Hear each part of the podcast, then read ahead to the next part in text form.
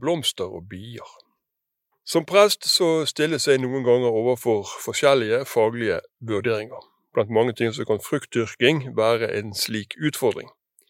Kunnskap om jordbruk og fruktdyrking var vel ikke akkurat det der pensumet i presteutdannelsen.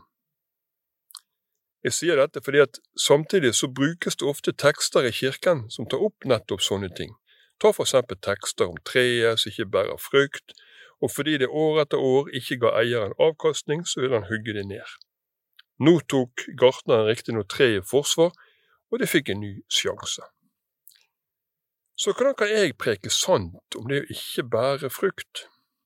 Og det er jo et bilde som ofte overføres til menneskelige sammenhenger, det om å ikke få det til, og ikke være produktiv, og ikke evne til å bidra sånn som det forventes. For å få den faglige hjelp jeg trengte, så ringte jeg til en fruktdyrker i Hardanger og spurte hva er det som gjør at et tre ikke bærer frukt? Etter litt betenkningstid så kom nå svaret. Det må være to ting, det.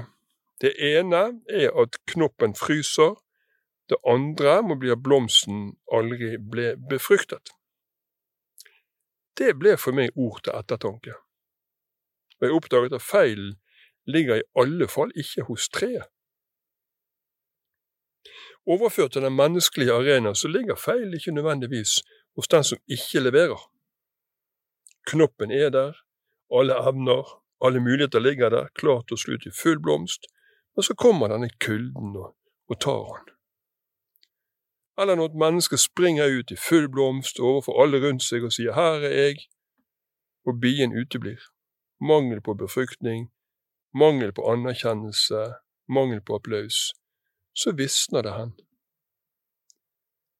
Har vi kanskje en litt sånn overdrevet evne til å skylde på offeret?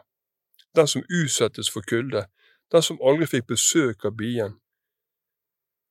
For meg så blir det en nyttig øvelse å se meg i speilet og fortelle meg sjøl at her kan jeg bidra med både varme og anerkjennelse, at jeg har en unik mulighet til å kunne forandre.